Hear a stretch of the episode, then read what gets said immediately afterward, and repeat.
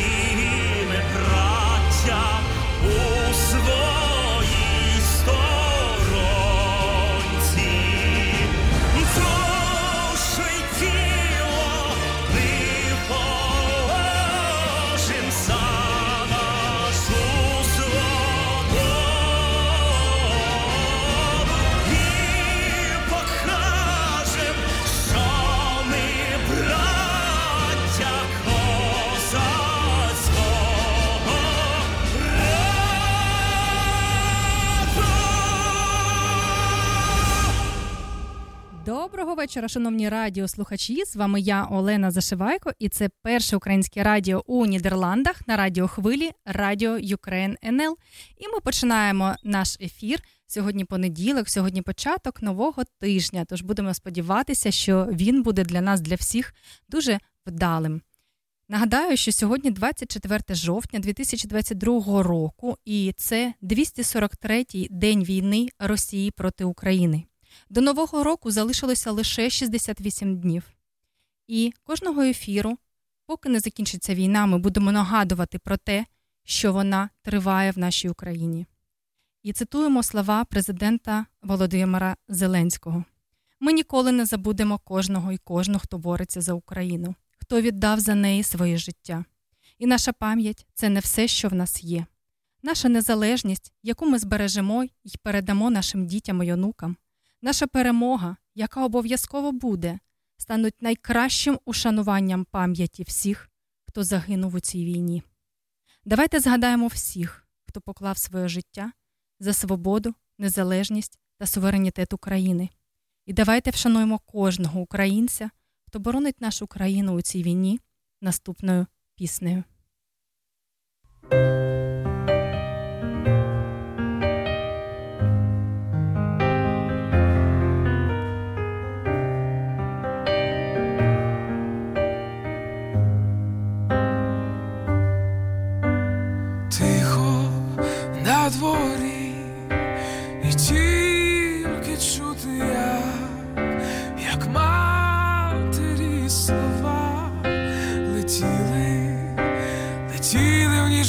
Козака, бачиш, сину мій, свічка не заса, до віку буде вже горіти, горітиме вона.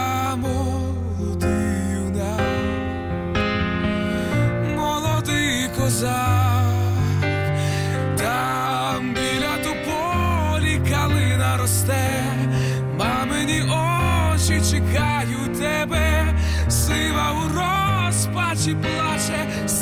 все чекає, та вмовчи його душа мам.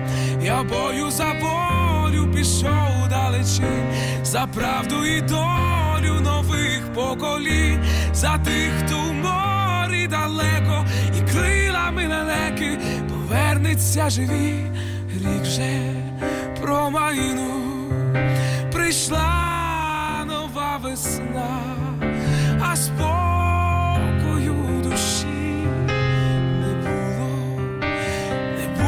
та іще нема там. Батько змучений, сам торгує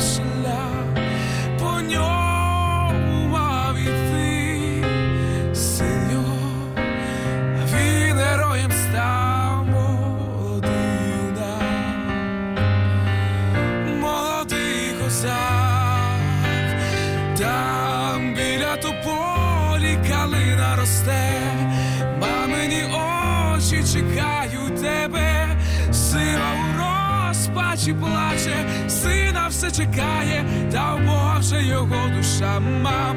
Я бою за волю пішов далечінь, за правду і долю нових поколінь, за тих, хто в морі далеко, і крилами далекі повернуться живі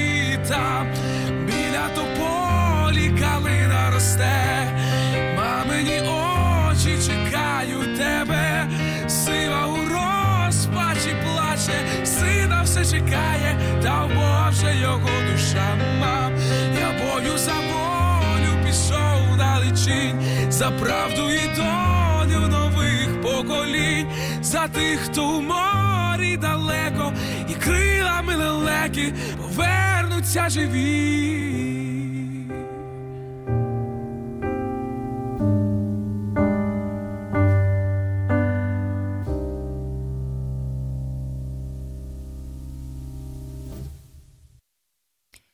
Друзі, а сьогодні, 24 жовтня, відзначають Міжнародний день Організації Об'єднаних Націй. По суті, ООН – це платформа, де національні делегації можуть висловити свою думку. Тут налагоджують відносини, вирішують проблеми та проводять переговори. Всі члени спільноти мають право голосу, однак кожен з них повинен дотримуватися статусу ООН. Також сьогодні відзначають тиждень роззброєння. Проводиться широку щороку від 24 до 30 жовтня під єгідою ООН. Рішення про його створення було прийняте на Генеральній асамблеї ООН у 1978 році. Тоді на порядку денному стояло питання про зниження використання зброї масового знищення та припинення військових конфліктів. Як ми бачимо, що у кожному поколінні, у кожному десятилітті проводяться війни, і це дуже головне питання. Тож Асамблея ООН дійсно підняла дуже гарне питання стосовно роззброєння, і дуже сподіваємося, що також і в нашій країні дуже скоро буде налагоджен мир. А зараз переходимо до музичної паузи.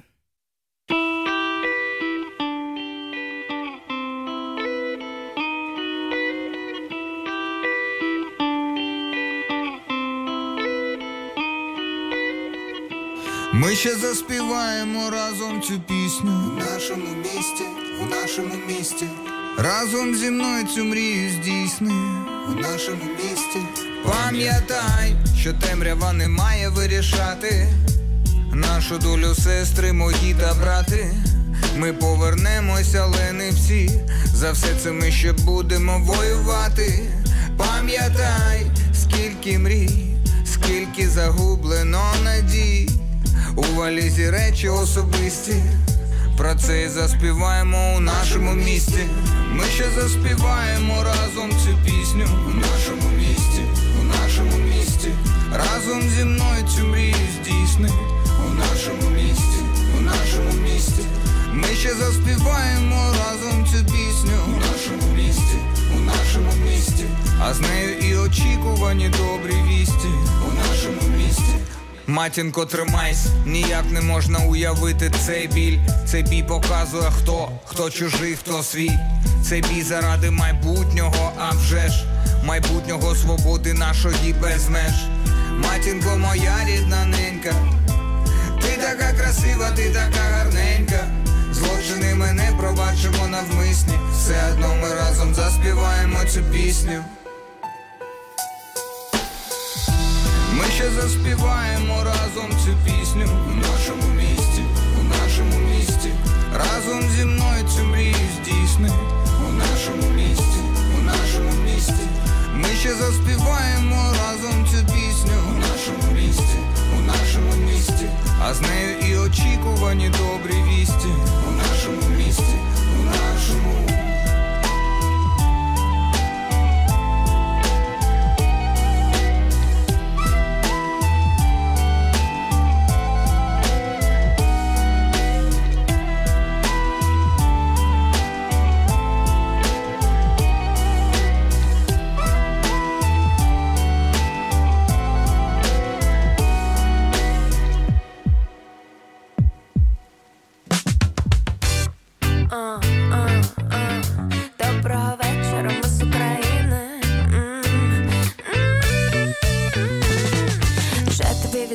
немає дня сурка, але лаконічно, чорнобаюка Каже, двічі в одну річку не підеш, це того про, але можна разів десь на один аеродром. Вони можуть забрати машинки і футболки, вони можуть забрати коралі і кросовки, але свободу в нас ніколи не забрати. І окупантів ми запрошуємо заграти. Ми не зламні, ми не переможні. Хочу нагадати, я це кожному і кожній. Не дожіть рідні, і пам'ятайте, Україна, синонім перемога. Не забувайте кожного разу мене і не сталося. Я тримаюсь, я просто тримаюсь. Кожного разу мене питають, як я, відповідаю, і не вагаюсь. Я себе в руки беру і тримаюсь.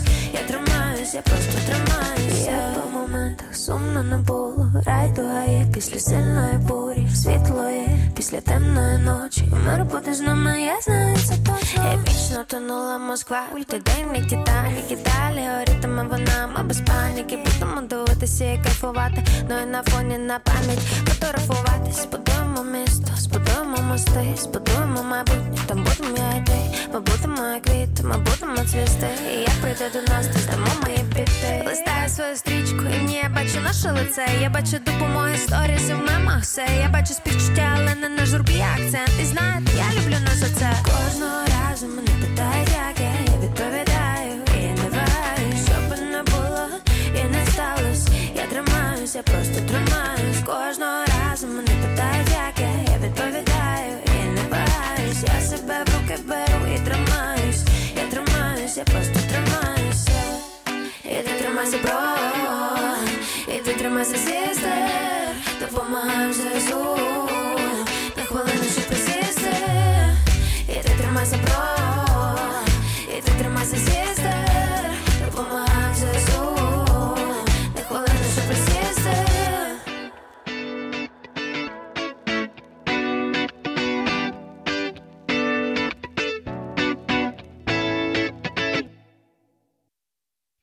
І ми знову в ефірі першого українського радіо у Нідерландах. І сьогодні у нас в гостях дуже талановита чарівна Марина Маковій. Це українська співачка, акторка, автор пісень та віршів. І вона, до речі, номінантка на національну музичну премію Юна 2022 з авторською піснею Сини України. І сьогодні ми обов'язково її послухаємо. І ви знаєте, також е, Марина була учасницею проєкту українського дуже великого проєкту Голос країни і навіть у команді Святослава Вакарчука. Дуже цікава гостя у нас сьогодні, а ми зараз намагаємося зв'язатися з нею. Мариночка, ми телефонуємо вам у скайп, тож беріть слухавку і будемо спілкуватися. Так, а Марина нам пише, що йде збій зв'язку, чомусь невідомо. Так, е, а спробуйте зателефонувати на номер радіо, і ми тоді будемо відповідати вам. А зараз включимо для наших радіослухачів ще додаткову пісню і зв'яжемося з Мариною.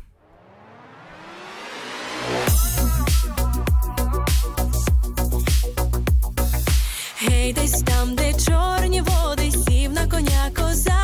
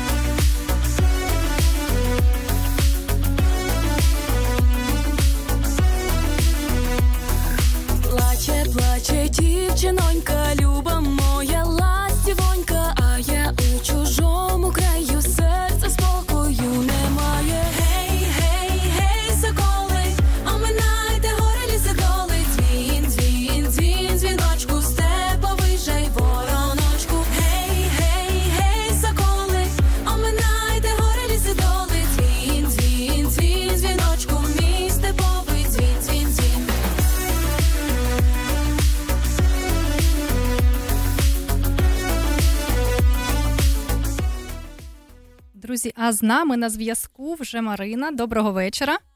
Доброго вечора. А ви мене добре чуєте? Я вас добре чую. І я вас добре чую. Ну, нарешті у нас все таки вийшло. Доброго вечора. Я дуже рада вас вітати сьогодні у нашому ефірі Першого українського радіо. Розкажіть, будь ласка, розкажіть, будь ласка, про себе. Що ж вас надихає на такі гарні пісні? Тому що дійсно я прослухала ваші пісні.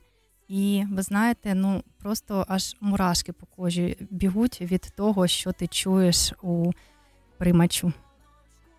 Дякую, дуже дякую за приємні слова. Раніше мене надихали природа, якісь події в моєму житті, кохання, звичайно. Але останнім часом щось змінилося. Ну, ми знаємо, що змінилося. Так, ми всі знаємо. Так, і був час, коли я зовсім нічого не могла писати, якось е, перестала співати. Потім е, тільки волонтерила, потім почала знову співати, але вже на благодійних заходах. А потім я зрозуміла, що я надихаюсь людьми. Я прям відчуваю їх. І доказом того був е, випадок. Нещодавно, я думаю, що до вас також приїжджав Монатик. Так, да, да, ми були у нього на концерті. Так. Я відвідую дуже рідко якісь громадські заходи, концерти. Я не знаю, чогось зараз не до цього, але мені запропонував мій друг піти буквально за три години перед концертом. Я кажу: ну пішли. Я пішла, взяла ще з собою чоловіка, і там мене так надихнули люди, що я просто почала плакати під час концерту, на що чоловік мені сказав: тебе щось там з цією піснею асоціюється, а була пісня Мокра дівчинка. Кажу, ні, зовсім нічого. Але я дивлюся очі людям, і я розумію, що вони колись танцювали під цю пісню зовсім інакше, зовсім іншим настроєм. А зараз вони в цих спогадах. І ну, ну це просто дуже зворушливо. І я думаю, Боже, коли це все скінчиться, і ми вже будемо вільні вдома, слухати найулюбленіші пісні. І е, я не знаю, Боже, в мене немає слів, але було зрозуміло, я бачу очі, в яких є надія, в них є віра. І це мене дуже надихає. Мене надихають люди сильні, наш народ. Ви знаєте, я повністю вас підтримую, тому що дійсно на концерті Монатіка Дмитра ми з чоловіком минулому році були у Єгипті, і 21 жовтня, рівно рік назад, тому рік тому, Е, ми просто танцювали всю ніч. Це був е, такий класний, ну я не можу сказати вечір. Це була ніч у ночному клубі, і ну то дійсно зовсім по-іншому відчувалися ті пісні. І зараз, от, от точно ви так влучно кажете ці слова, тому що зараз, перебуваючи на концерті і розуміючи, що чоловік е, далеко, а ти, а ти ж чуєш ті самі пісні. І і е, співак той самий, і пісні ті самі, але ж зовсім по-іншому все відчувається. І про те, до речі, що Дмитро так дуже гарно вміє розповідати свої думки і почуття От так, на концерті. Дуже, Я дуже вас розумію, що саме такі люди вас надихають. Дякую. Ну, Дякую.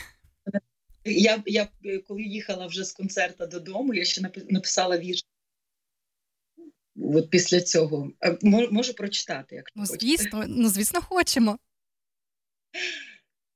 Е, я бачу в ваших очах надію. Вона відновлює мої крила. Вона несе як потік бурхливий в моє місто, мій рідний Київ. Я вклоняюсь землі і Богу. Я вклоняюсь вам, їй Богу, ви даруйте мені натхнення, бути чесною і навіть приємною серед пекучого болю що посіяв в глибині людей нескінченну втому. І справа в тому, що немає ліків, але є вихід. Це як терапія від людей відчувати віру і надію. Так, надію, що переможемо. Ми сильні, ми безсумнівно зможемо. Дякую, Боже, безмежно дякую. І відчуваю, що вели, великою відзнакою стане наша перемога завдяки вам і Богу перемога української землі. Ось так мене Супер. надихнули люди. Супер. Марі, е, я пропоную послухати вашу пісню. Добре, з котрою ви були номіновані на цю нагороду. Добре? Добре, добре.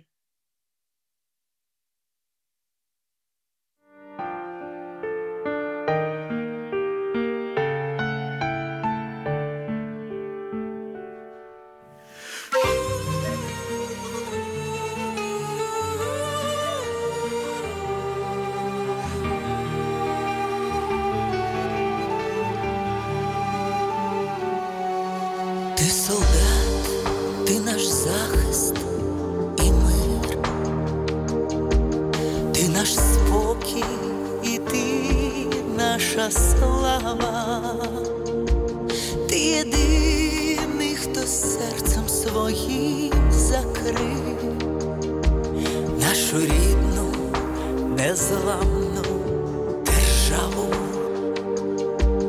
І поніс тебе, брат, крізь вогонь на своїх руках, і гриміло у небі так, що відчула мати,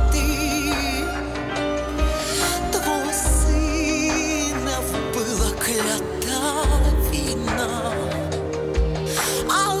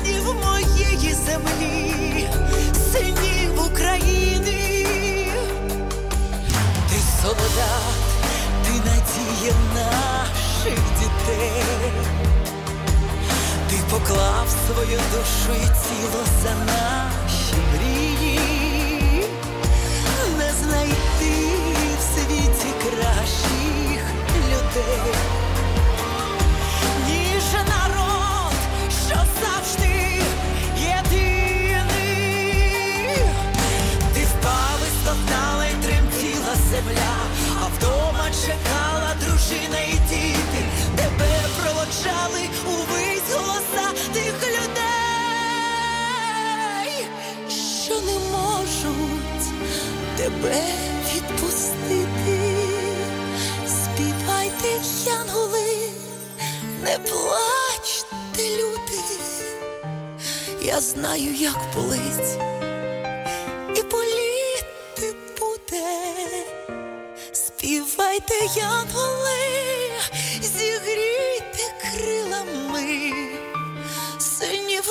моєї землі, синів України.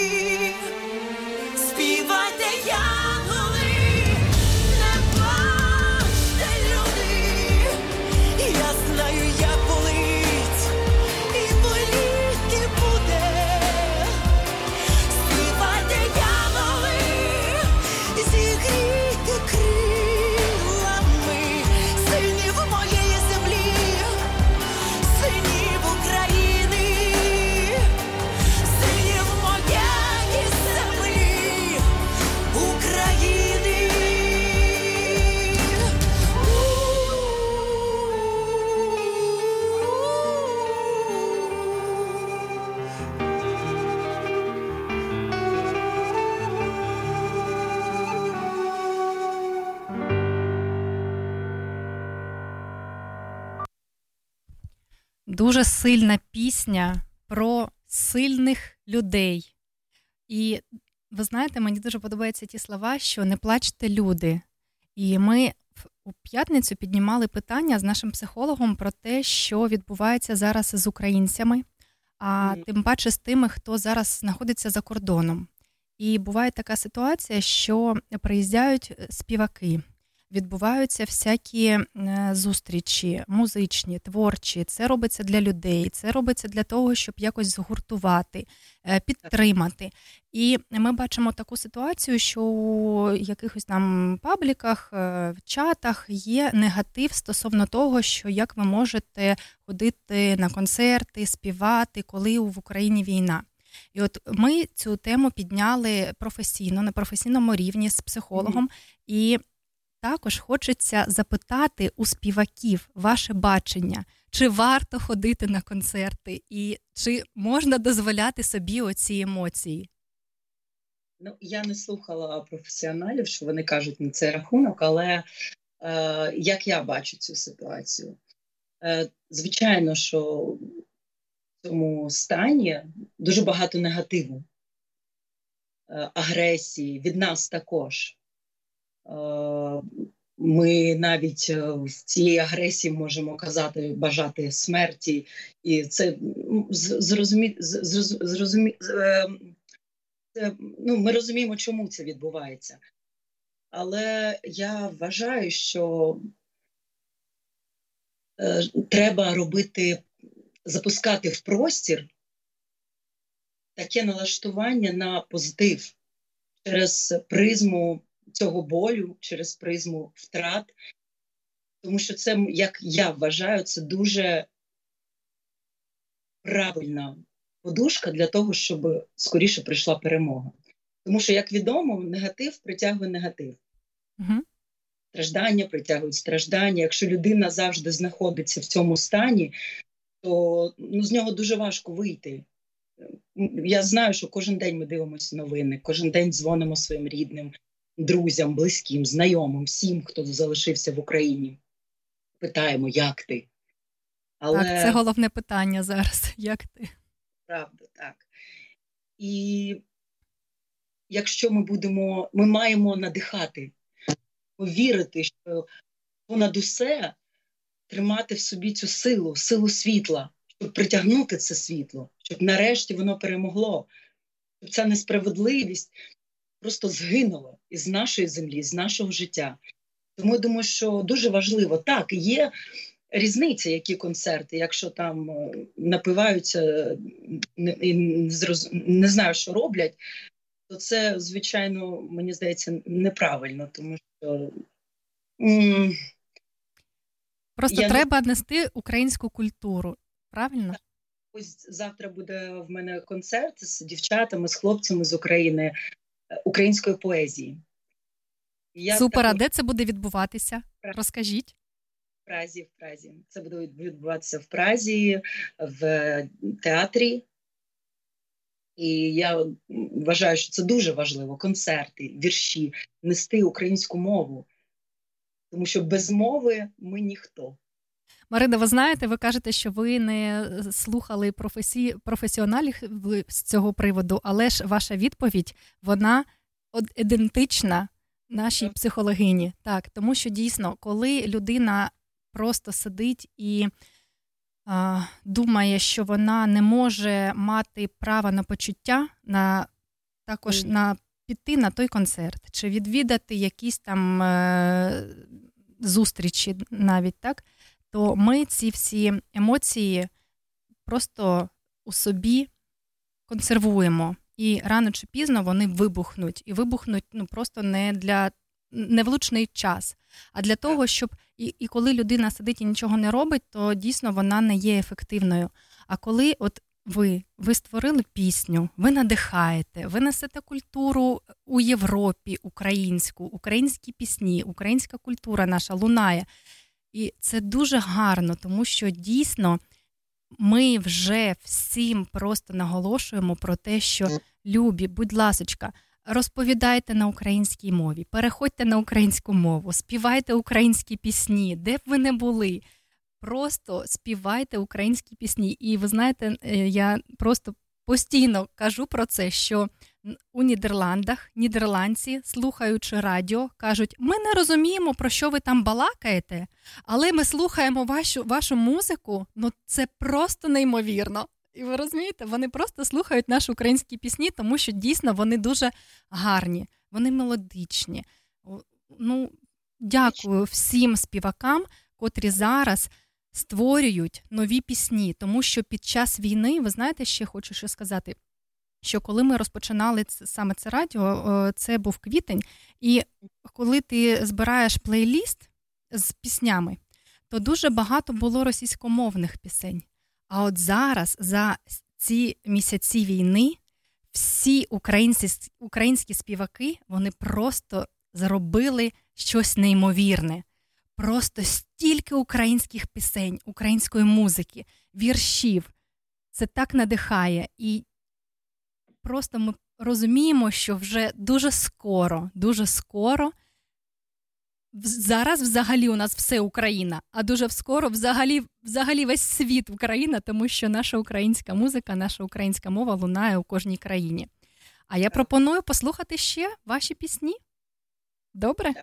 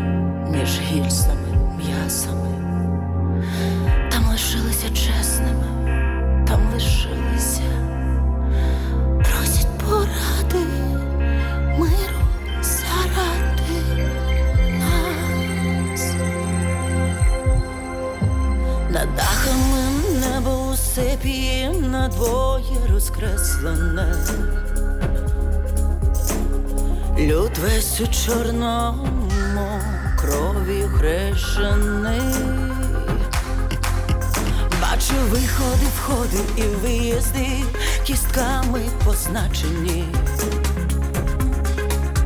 Небо кришиться, небо стогне, плаче.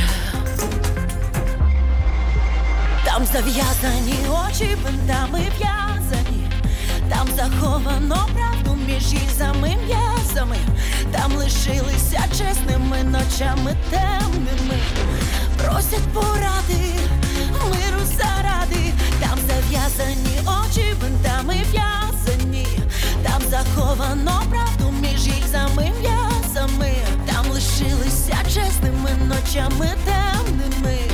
Просять поради, життя заради нас.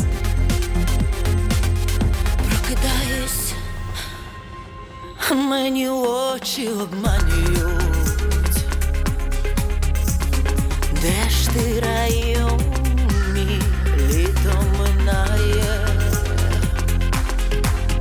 Люд на гроші розміяний, виданий, дурням, як тріп'яцок Степ сухим простирадлом вздовж із білих пов'язок. Там зав'язані очі бинтами в'язані, там заховано лишилися чесними ночами темними, просять поради, миру заради, там зав'язані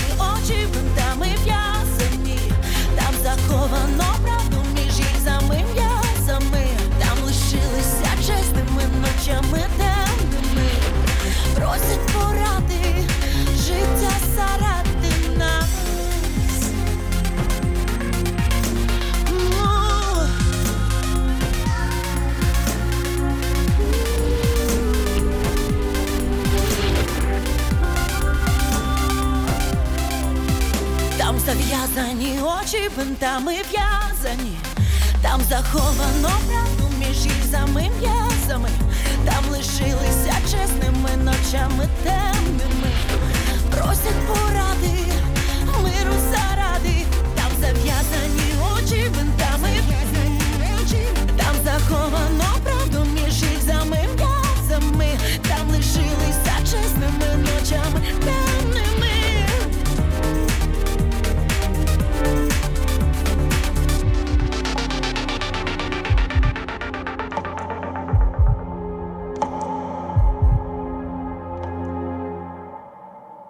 Зв'язку?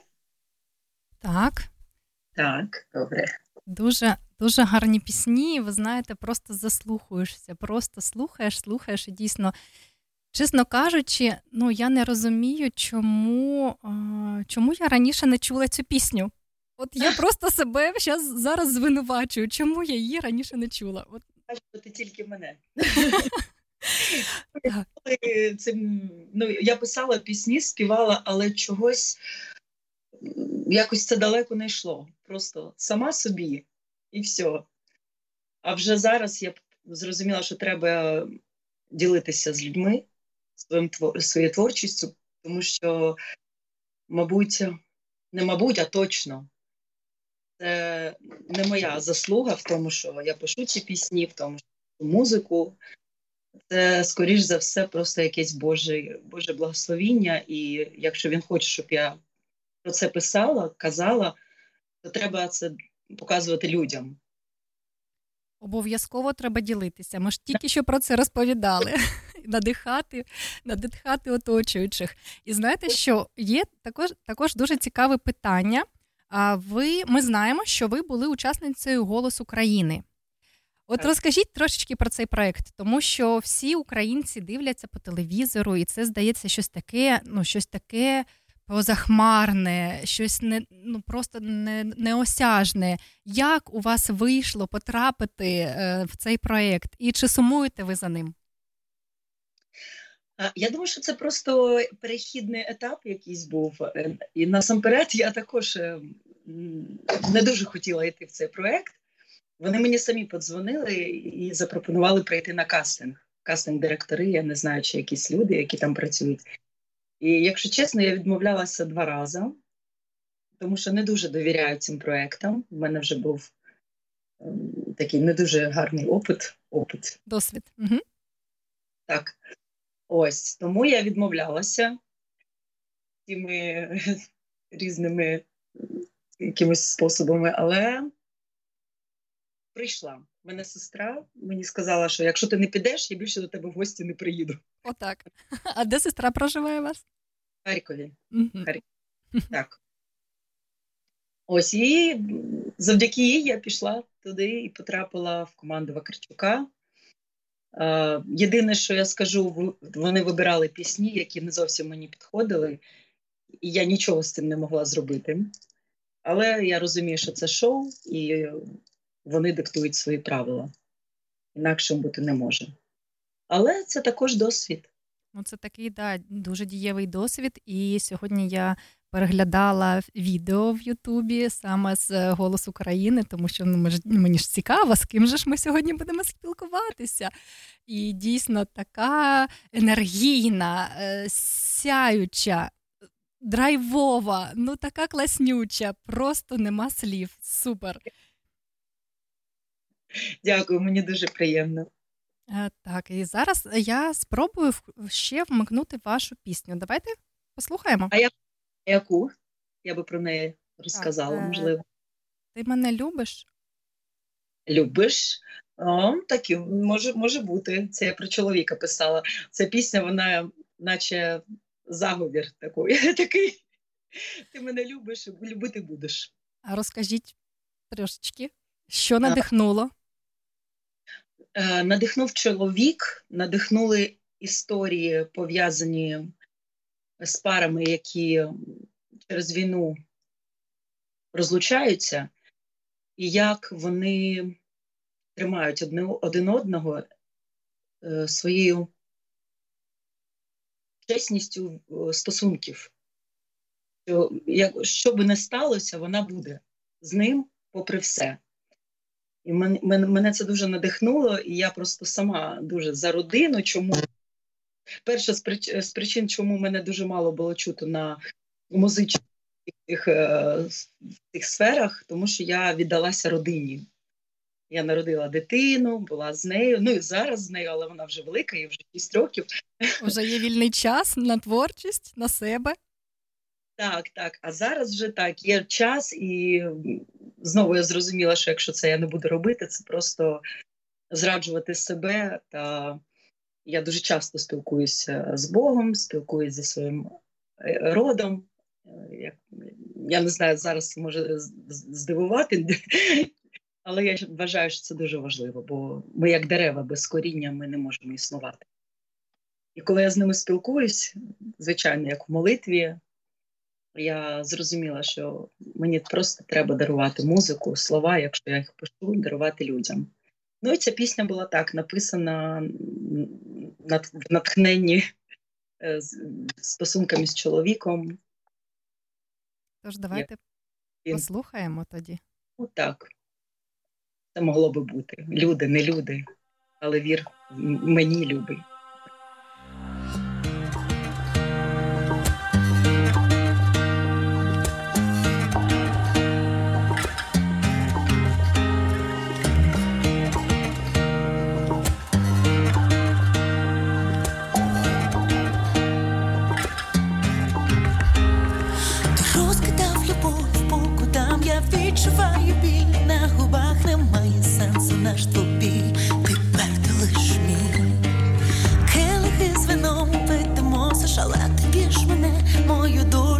день чекала сонце, було темно, я тепер впевнена.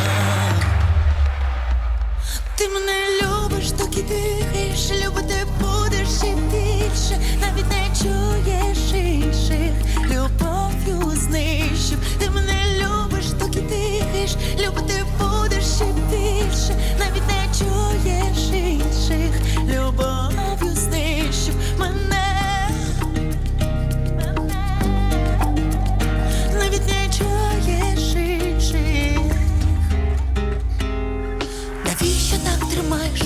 останній теж лише на мить і вертаєш, але якщо тебе візьме небо, не бійся, так треба.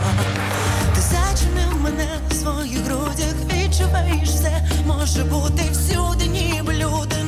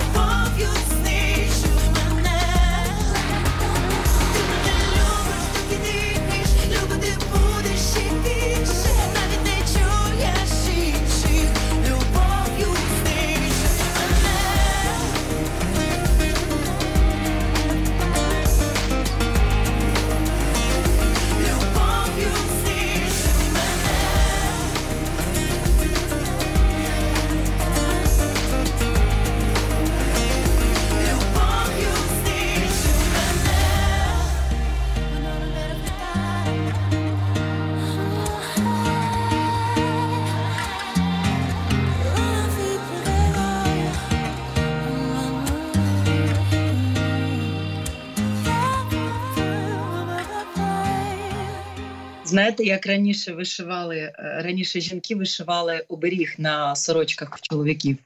А ну так, звісно. Ну і мені для мене ця пісня, вона як е, таке чаклунство. Коли ти вишиваєш цей оберіг, ти будеш мене любити, а кохання зробить вже своє діло. свою справу. Так, справжня історія кохання така. А, Дійсно. І ну, взагалі у нас українські дівчата, вони саме з конотопу, так, славляться такими історіями. Так що нехай хто нас чує або може передати тим, кому це потрібно, нехай вони бояться українських дівчат, тому що дівчата таки можуть. Кинулось е, в езотеричному е, сенсі, і вони почали просто відчувати в собі якусь силу, почали питати, якщо там жива бабуся, вони ж знають всі ці просто ми, ми маємо дуже велику і багату історію з цього приводу. Так, дійсно. І вони зараз дуже багато речей можуть зробити. Мариночка, роз... е, скажіть, будь ласка, що ви можете побажати нашим радіослухачам? Я хочу побажати, мабуть, спокою в родинах, щоб було кохання, не було втрат. І, звичайно, побажати миру. Це, мені здається, зараз одне бажання на нас усіх. І нехай буде так. Нехай Бог нас почує, нехай Він оберігає нас, оберігає наших хлопців. Я бажаю, щоб кожен, кожен просто знайшов в собі силу жити далі, тримати наших дітей, тому що я вважаю, що вони не мають права це бачити, але мають знати історію. Вони такі в наші кришталеві душі, які, яких, яких треба берегти, бо це наше майбутнє. Я просто вважаю, бажаю, щоб кожен знайшов в собі це світло. Світло відроджував його, дарував іншим людям через любов. Тоді ми всім прийдемо до перемоги якнайшвидше. Обов'язково так і буде. Ваші слова та до Бога. Дякую вам за сьогоднішній ефір. Дякую, що поділилися своїми історіями.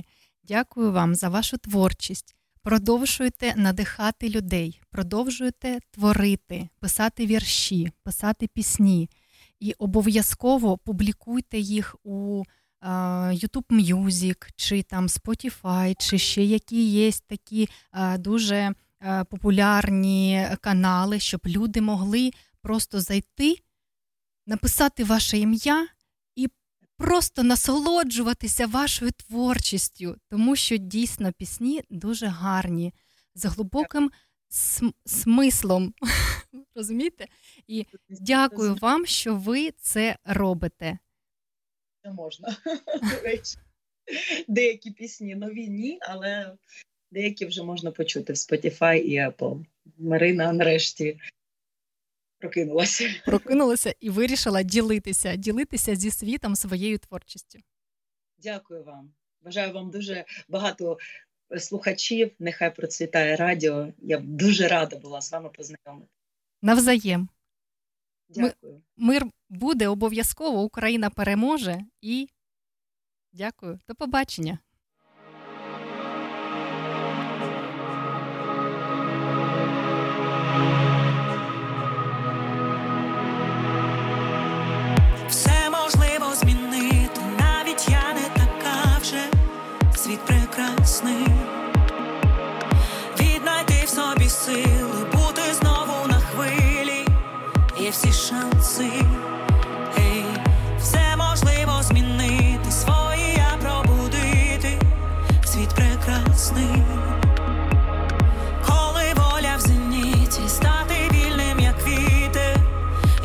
Шанси. Ей, наш час настав, не треба печалі. Починаємо ми, ми по-новому все. Було пішло, забудь про деталі. Починаємо ми, ми по-новому все. Вільні не скорені.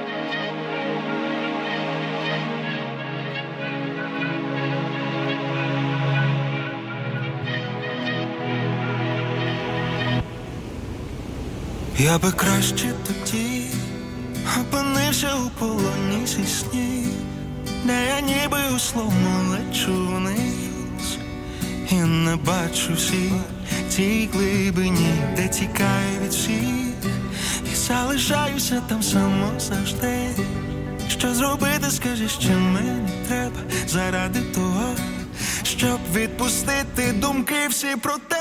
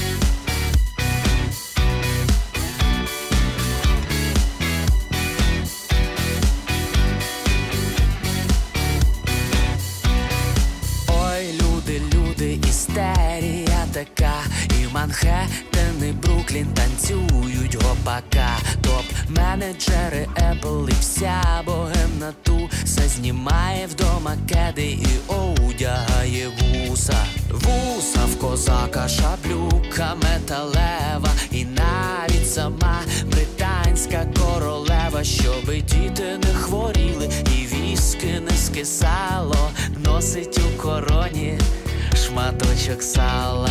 І красиво, все у нас красиво.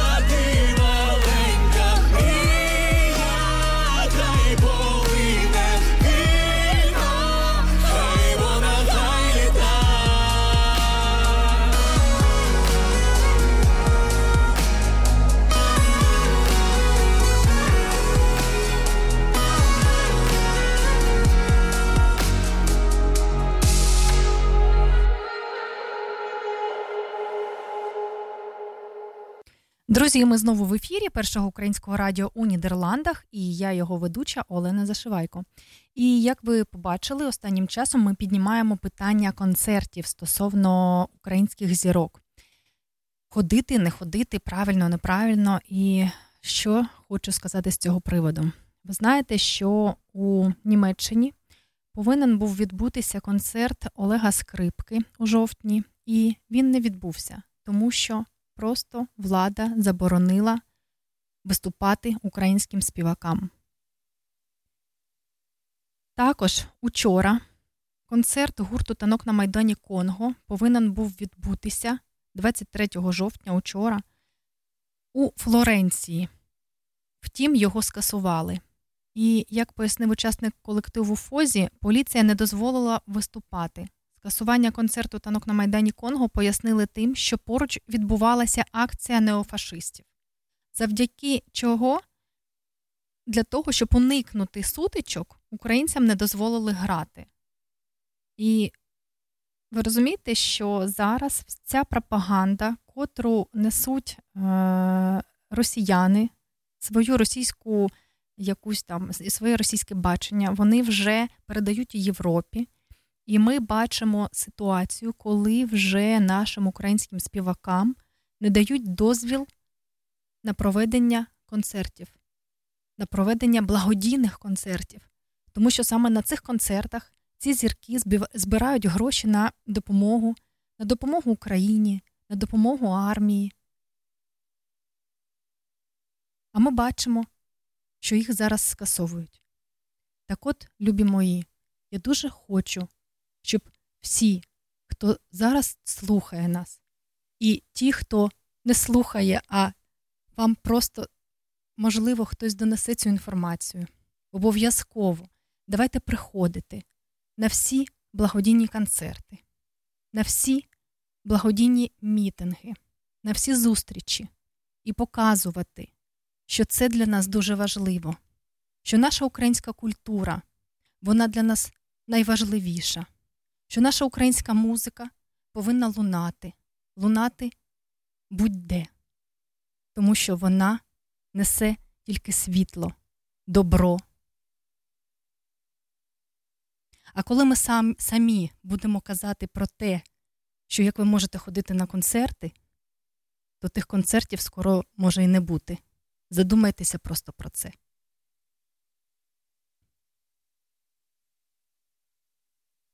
І, як каже соліст гурту Фозі, що Флоренція прекрасна, прямо неочікувано прекрасна, тільки нам не дали там вчора зіграти.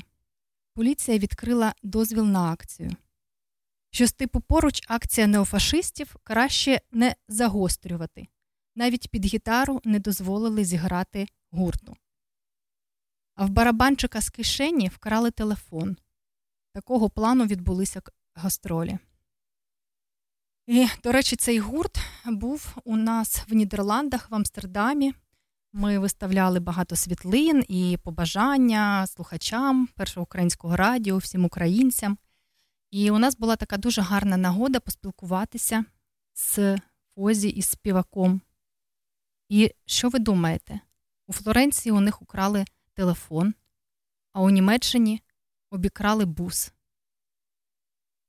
Під час виступу у співаків просто винесли з бусу все, що можливо. Як ви вважаєте, хто це зробив? Явно не українці. Давайте просто задумаємося трішечки. Чи хочемо ми транслювати нашу українську культуру в Європі? Чи хочемо ми слухати нові українські пісні, українські вірші, підтримувати нашу країну, підтримувати наших артистів, співаків? Чи нащо це все? Як ти там, я смерті тебе зараз точно не віддам, поступлю з тобою навіть ні на грам. Я віджену хоч ще не знаючи, не знаючи, як ти там, щасливу долю розірвало пополам, у серці зрив житті різкий болючий зла, але я збережу тебе, кохаючи. Вогнем стережуть поля, тут красу закриває дим, тут від смерті ховає земля, тих, хто чується молодим, тут важкий безперервний бій, то з чужим, то з собою самим, тут сльоза тремтить серед вій, коли знову йде побратим, тут зозулі рахують дні, тут уламки зрізають цвіт, тут здається, що ми одні, одинокі на цілий світ, ані звісточки, ні зв'язку і важкий тягар на душі, тільки місиш глину в'язку, коли раптом впадуть дощі. Я ти там, я смерті тебе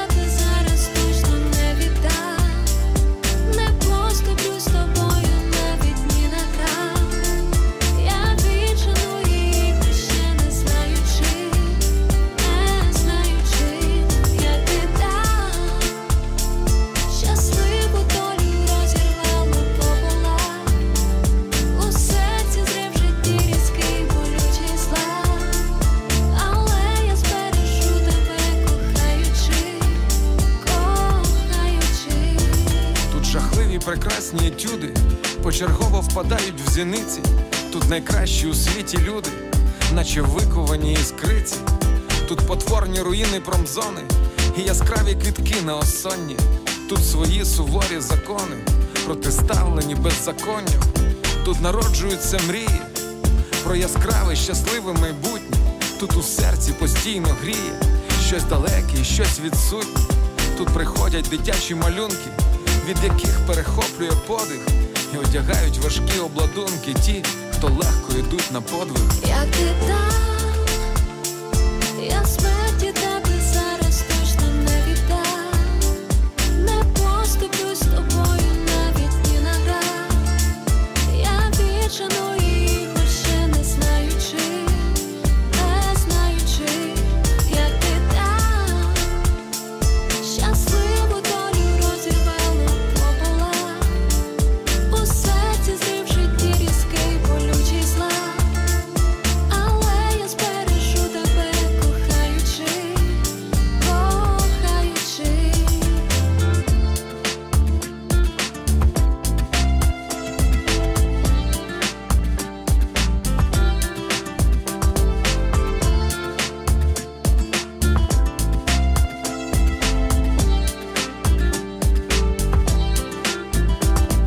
поділені фронту ділянки, вірні друзі, надійні ланки, свіжі рани, туманні ранки, обов'язки, забаганки, і забаганки у мене щиті, зі щитом, а не на щиті, бо ще ніколи в своєму житті я так вижити не хотів.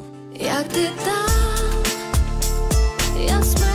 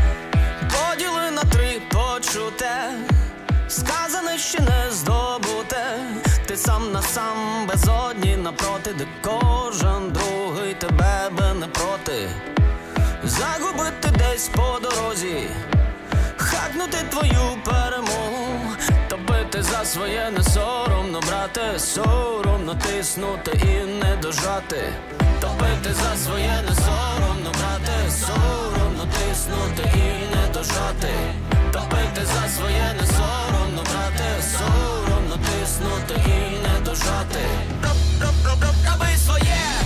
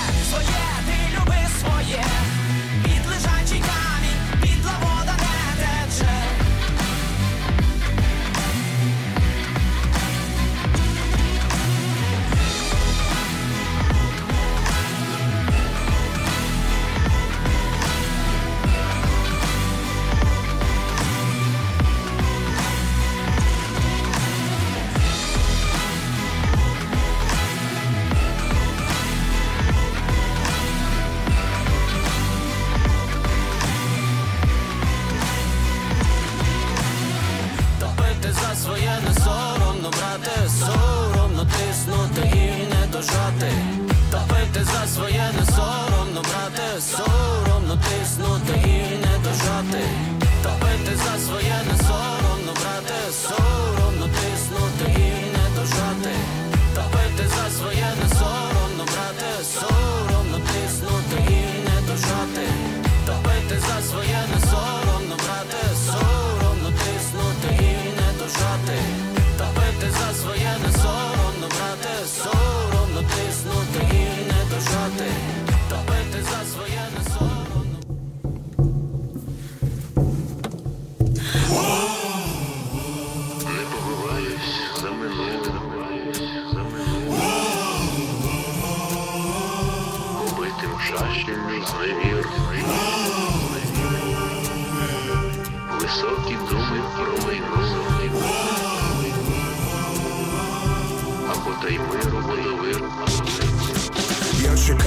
тебе на порозі, речі зібрані мої ще вчора. Я готовий піти вже хоч зараз.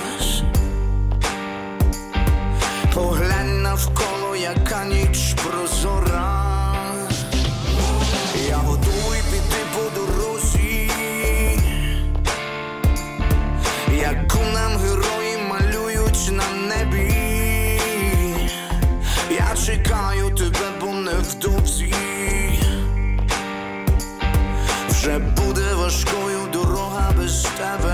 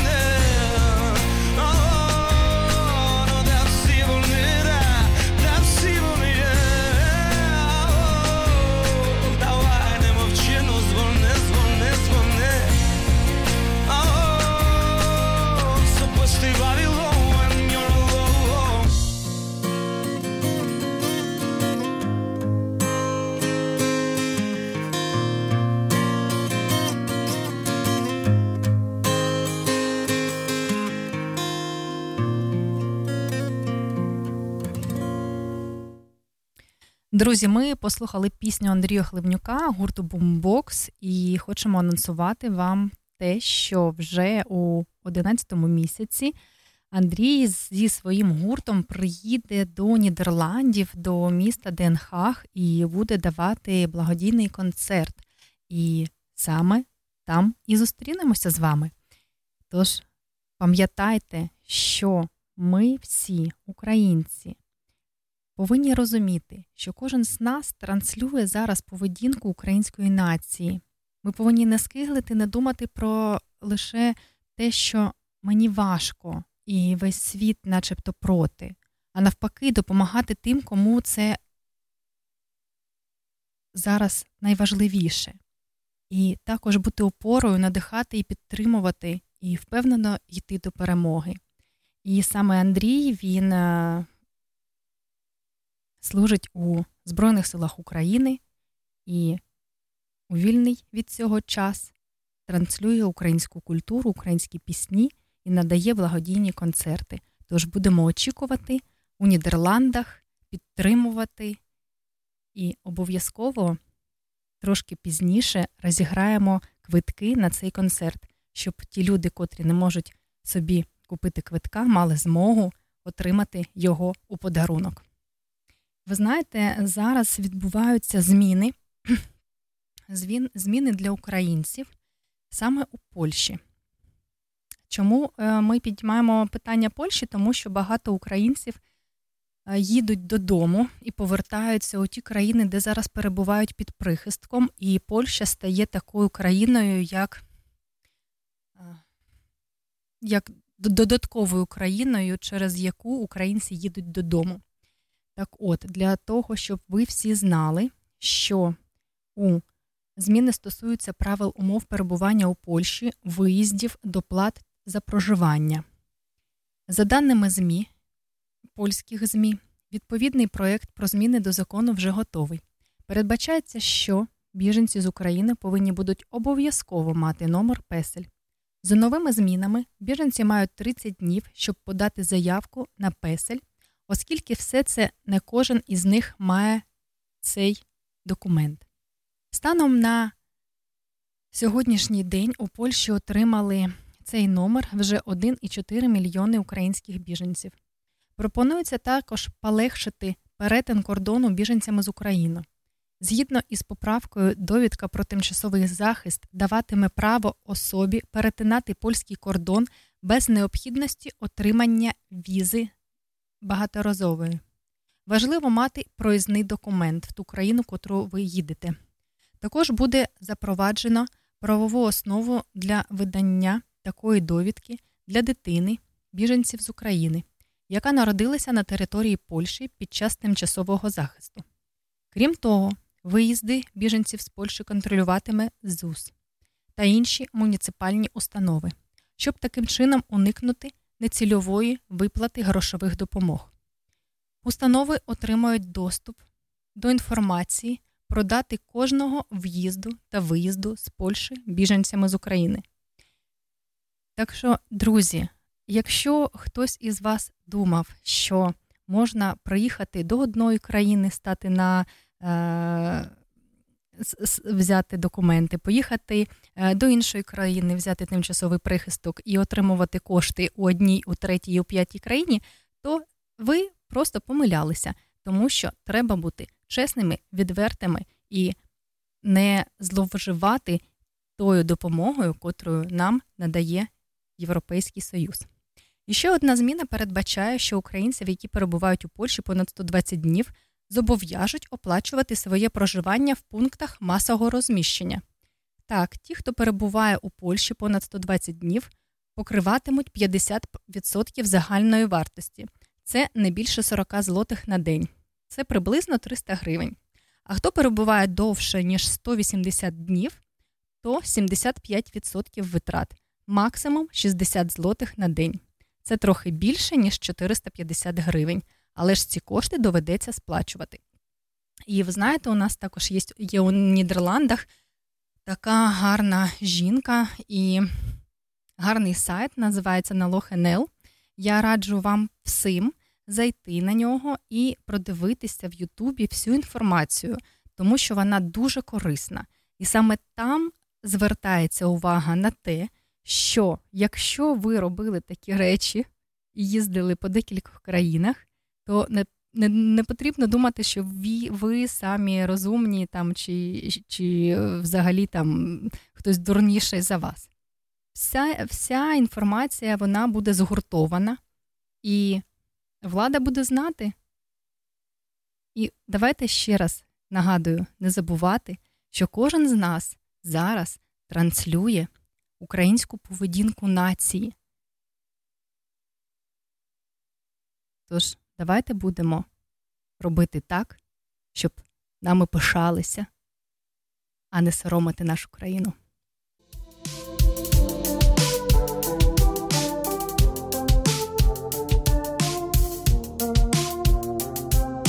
Сонце в мене замість шапки, знімаю тапки, одягаю тряпки, ух, ненавижу прикиди для іуди, куда не подивишся, костюми просто всюди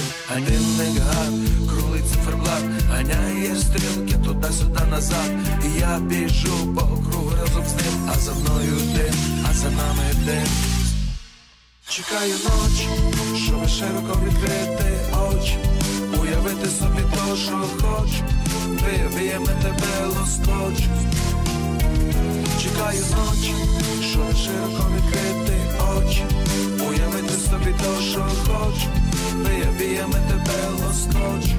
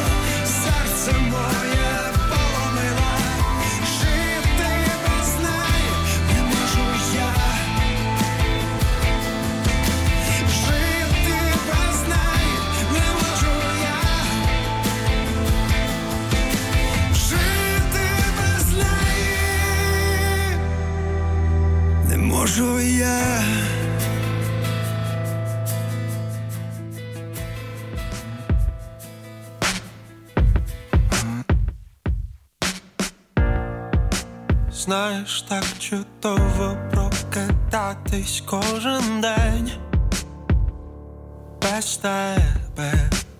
О-о-о. Я все це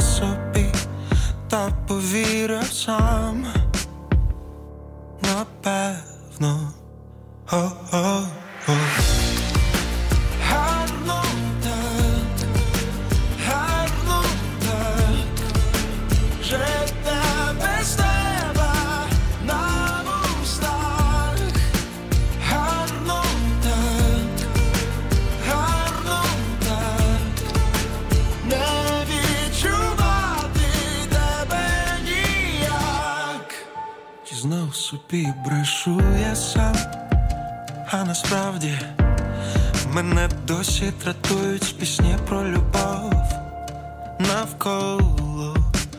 О-о-о. Я наношу захисний грим, ніби вмикаю собі режим, мов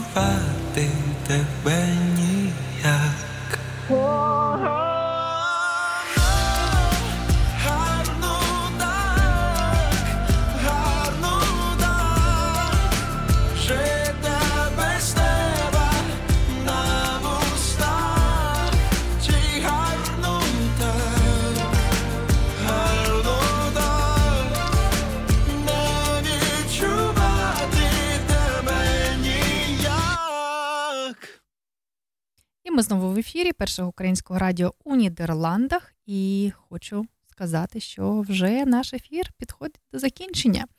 Друзі, і обов'язково 28 жовтня приходьте на площу Дамсквер у Амстердамі. Приїздіть, приходьте, підтримуйте, тому що 28 жовтня буде відбуватися мирний мітинг на підтримку України. І головними гаслами цього, е, цієї події буде те, щоб нам закрили небо над нашими енергетичними об'єктами інфраструктури. Тому що треба наголосити Європі, європейцям про те, що росіяни, російська армія зараз просто знищують енергетичну інфраструктуру. Вони хочуть повністю її знищити. Ми бачимо зараз, що відбувається, що вони ціленаправлено б'ють по цих об'єктах. Об'єкти дуже серйозні, тому що від них залежить, буде світло чи не буде, буде постачання води, е, буде постачання тепла, залежить саме від цих об'єктів. І е, такий головний меседж, що якщо вони не хочуть мати проблеми з великою кількістю українців в Європі, тому що якщо не буде отоплення, не буде світла і не буде води, то люди масово будуть їхати куди? До Європи. І європейці повинні це розуміти. Тож виходимо, кажемо про це, просимо закрити небо, просимо ПВО, ППО, тому що ми бачимо, що дійсно воно працює і збиваються ті ракети, але ж не всі. Так що зустрінемось 28 жовтня у Амстердамі на площі Дамсквер. Стосовно часу, ми скажемо вам трішечки пізніше, тому що зараз офіційної інформації стосовно години, коли відбудеться цей захід, ще невідомо. Як тільки ми дізнаємося про час проведення мирного мітингу, ми обов'язково напишемо це у нашому телеграм-каналі.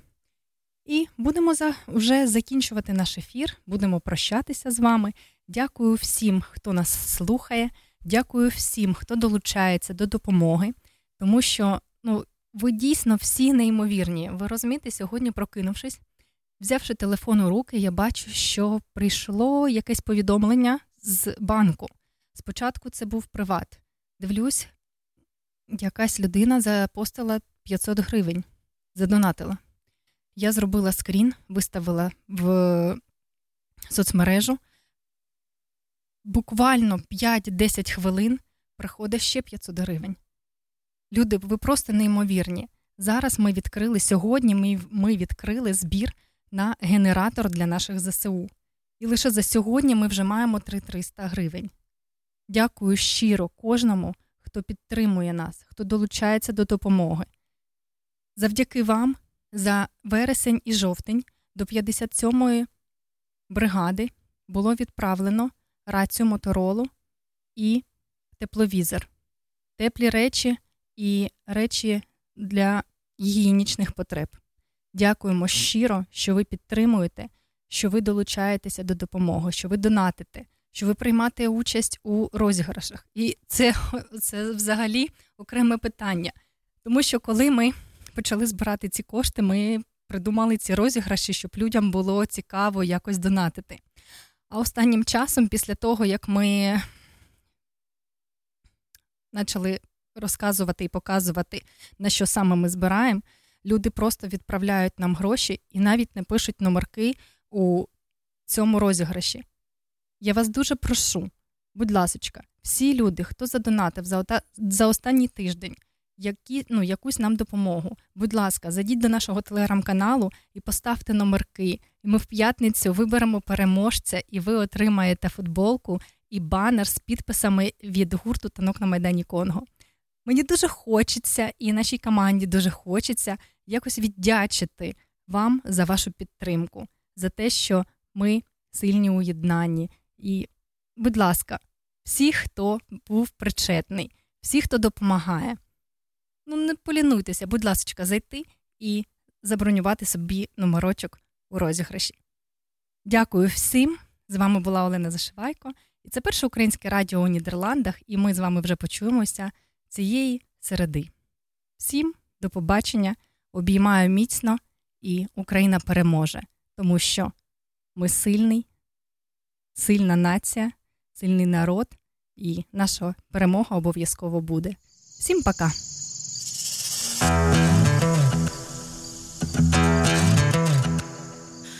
Сиди вдома, ти до неї не ходи і бійся грому, бійся темної води